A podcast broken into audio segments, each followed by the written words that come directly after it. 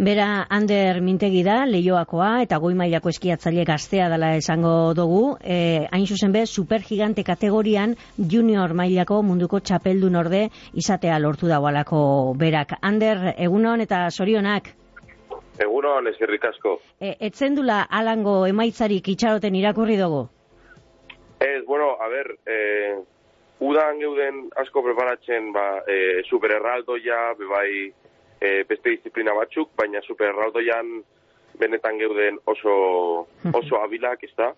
E, preparatu genuen supererraldoia munduko txapelketarako, eta beno, emaitza atera da, baina ez genuen espero, hori hori horrela zen. Hogeta bat urte baino ez daukazuz, e, baina ez da lortzen dozun lehenengo saria, beste sari batzupe aurretik lortuta daukazuz.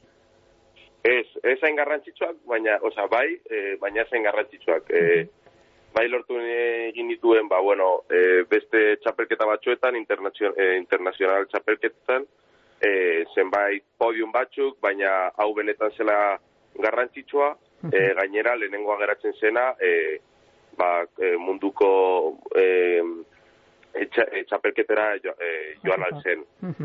E, zuri, Ander, e, eskiatzeko saletasuna e, nondik jatortzu?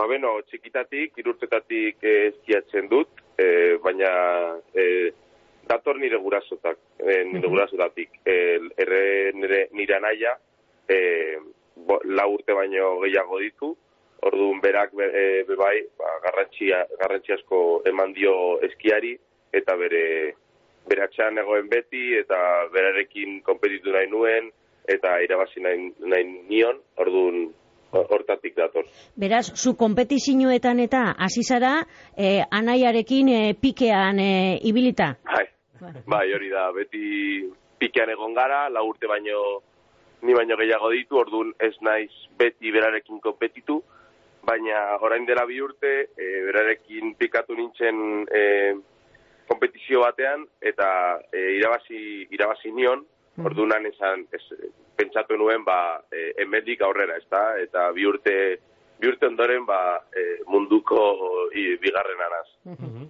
Esan dugu, Ander, e, eskian, supergigante kategorian, junior mailako munduko txapeldun orde izatea lortu dozula, e, Euskal Herrian hau lortzen dauen lehenengoa zara? Bai, bueno, Euskal Herrian eta e, Espainian. E, bueno, e, emaitza e, emaitza honena izan zen ama bigarrena, eta gero nire, nirea urte honetan. E, bakarrik medaia bat lortu zuen Carolina Ruiz, orain dela hogeita hiru e, urte, eta, e, bueno, mutil batek ez zuen inoiz lortu medaia bat. Eta etorkizunari begira honek zer esan gure dau? E, nahiko ondo zatozela kalidade honeko eskiatzailea zarela?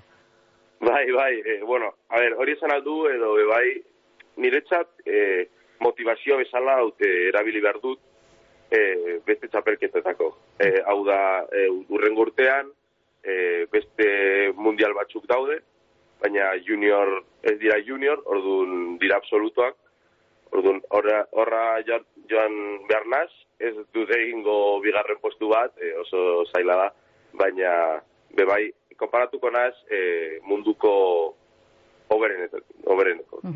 Gero, honek imaginatzen dut, ATAP zabalduko deutzu zela, patrosinatzaile barriak e, e, eskuratzeko, edo e, zuek eskiatzaileak talde bateko parte zarie?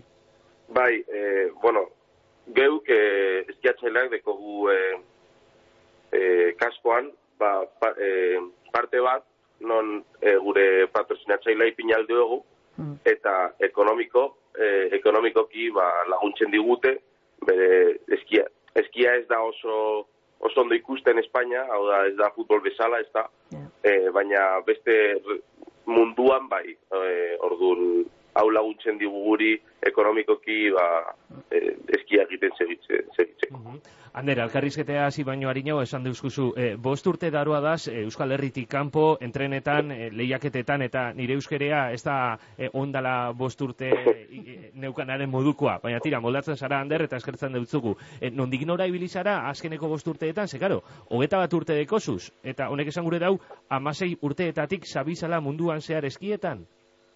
E, bai, bueno, Italian egon naiz urte hauek, e, igual ita, italiarra erabiltzen dut euskera baino hobe, mm. baina ez ez dut uste e, ikasi dut euskera e, txikitatik, lauron, orduan pizka bat bai badakit, baina hartu zait pizka bat ere bai, e, baina bai, e, bost urte italen egon naiz, eta Suitzan, e, bai, Austrian, e, bueno, mundutik ez da, e, zenbait kompetizio egiten, eta e, zenbait arezterketa egiten, bebai, e, bueno, bi mundial egin ditut, bat Kanadan, eta beste bat Austrian, bebai, e, eta orain hau e, e, Frantzian izan da.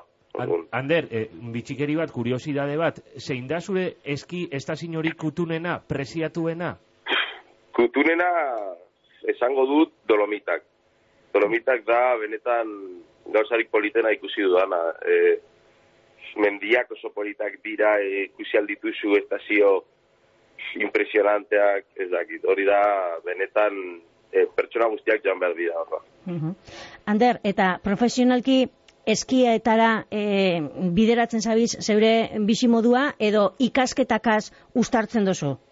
Ez, e, e, oraindik ikasten dut, unibertsitatean nago, e, ade egiten, e, baina egiten dut online dena. E, UOK e, deitzen da unibertsitatea, dago Katalunian, e, eta egiten dut dena online, e, bueno, denok egiten dugute e, UOK, e, UOKean daude ikasten denok, batzuk ade, beste batzuk ingenieritza, baina denok woken e, online bestela ezin dugu dena dena egin, ezta.